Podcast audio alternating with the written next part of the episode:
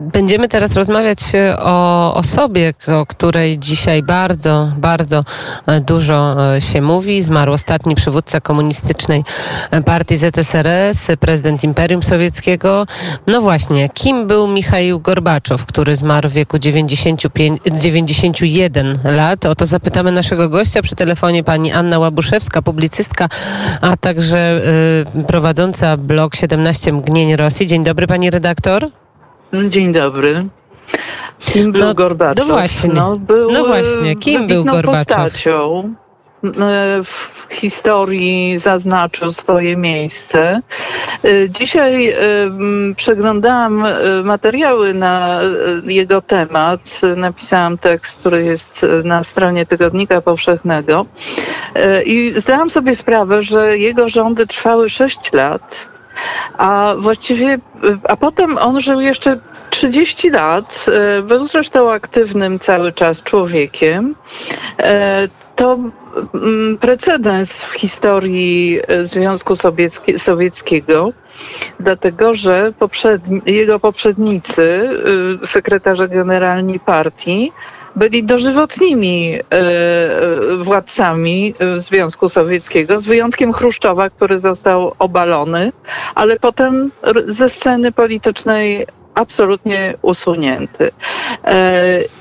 Więc Gorbacz, ta, ta era Gorbaczowa, te sześć lat, to były ruchy tektoniczne, które zmieniły bardzo dużo. Zmieniły też nasz region, bo mm, Gorbaczow wyraził, wyraził zgodę na zjednoczenie Niemiec, co spowodowało demontaż całego systemu, który y, stworzył jeszcze Stalin, systemu kontroli nad, nad naszym regionem.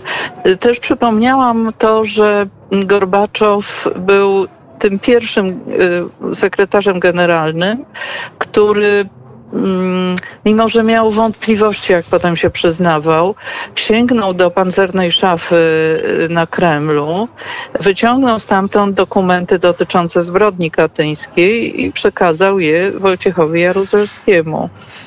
E, Dzięki temu nie było już odwrotu e, do powtarzanego przez 40 lat kłamstwa katyńskiego. To tak w skrócie. Bardzo wiele się zmieniło też i w samym Związku Sowieckim, chociaż też y, mm, może zapominamy już teraz po tylu latach o tym, że mm, celem Gorbaczowa, e, jego pierestrojki, czyli przebudowy, głasności, czyli jawności, było uzdrowienie Związku Sowieckiego. On do końca wierzył w to, że uda się na tyle zreformować e, tego molocha, e, oskrobać z naleciałości totalitaryzmu, e, zostawić to, co szlachetne, to, co dobre i mm, poprawić ten, ten projekt gospodarczo, trochę wpuścić inicjatywy prywatnej. No i i będzie dobrze. No, zresztą y, proszę sobie przypomnieć, że y, przeprowadzono referendum nad tym, czy y, Związek Sowiecki ma dalej istnieć, tylko na nowych zasadach, bo y, Gorbaczow pracował nad nowym układem związkowym.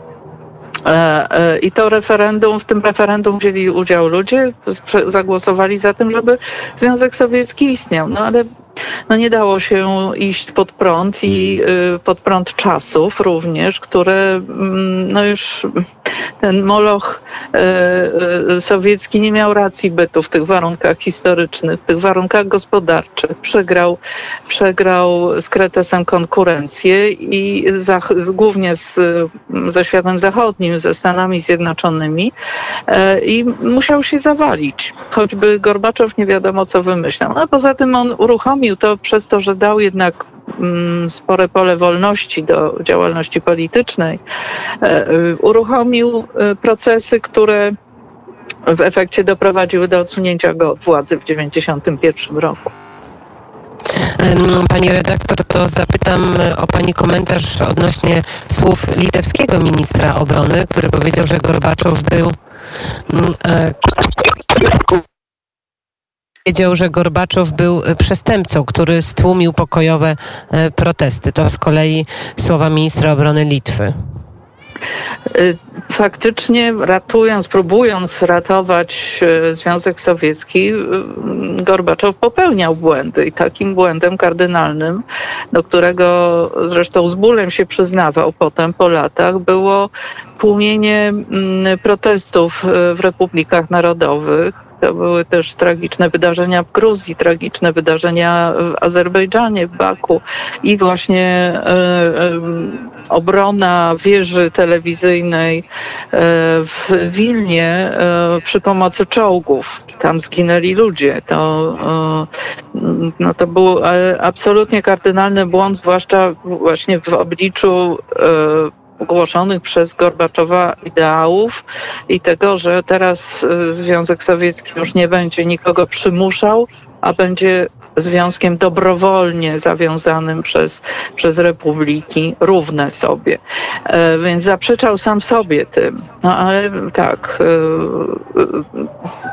to krew na, na jego rękach e, jest i mimo tych wielkich zasług, jakie ma, jakie położył w przemodelowaniu, przemodelowaniu świata, zwłaszcza w naszej części Europy, no, trzeba pamiętać również o tym, że popełniał błędy. To zresztą nie jedyne jego błędy, no te tragiczne, tragiczne, bo mm, zginęli ludzie, a, e, ale on popełnił bardzo wiele błędów. No do tego do tej listy można dopisać na przykład to, że prowadził takie kampanie, które miały uzdrowić życie w Związku Sowieckim, a przyczyniały się do tego, że ludzie E, odwracali się od, od niego, od jego pomysłów. Mam tu na myśli słynną kampanię e, trzeźwości, e, czyli reglamentowania alkoholu po to, żeby walczyć z alkoholizmem jako chorobą społeczną toczącą. E, pani redaktor, e, tak, e, informacja z przed godziny, półtorej. Jeszcze poproszę o krótki komentarz. Wiemy, że Unia Europejska zawiesi porozumienie wizowe z Rosją. Nie będzie całkowitego wstrzymania wydawania wiz turystycznym Rosjanom przez państwa Unii Europejskiej. Między innymi o to zabiegała Polska. Jak ten fakt jest komentowany i ta sprawa związana z wydawaniem wiz turystycznych w Rosji? Ta, ta, sprawa rzeczywiście jest komentowana bardzo w mediach społecznościowych i też e, w mediach rosyjskich. To jest poruszające, nie ma tutaj konsensusu. Dzisiejsza decyzja Unii Europejskiej mówi o wstrzymaniu przywileju, o tym, że będzie mniej wiz, a nie, że w ogóle ich nie będzie.